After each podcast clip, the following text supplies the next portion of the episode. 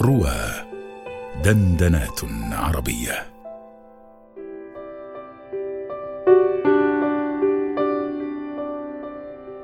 يمكن لشيء صغير مثل صوت تقليب ملعقة صغيرة في كأس شاي أن يفتح عيني يشدني من عتمتي يخلق في قلبي طوقا صافيا إلى أن أعيش وأشتهي وأضع وزني كله في كفة الحياة ما دمت أستطيع.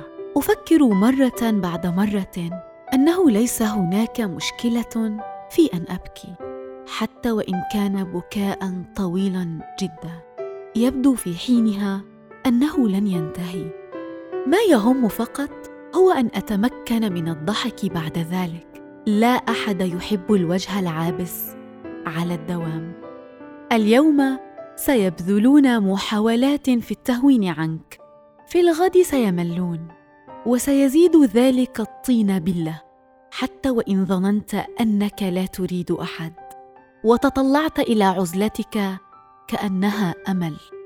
في النهاية ستغرق فيها منفردا وتعيسا. لذلك أنا أضحك. ليس من أجل الناس وما يحبه الناس ولكن من أجل ألا أتوغل أكثر في الكآبة وأظل فيها وحدي. من أجل ألا أثقل وتفقد الأشياء الصغيرة قدرتها على حملي إلى الضوء الذي أحب.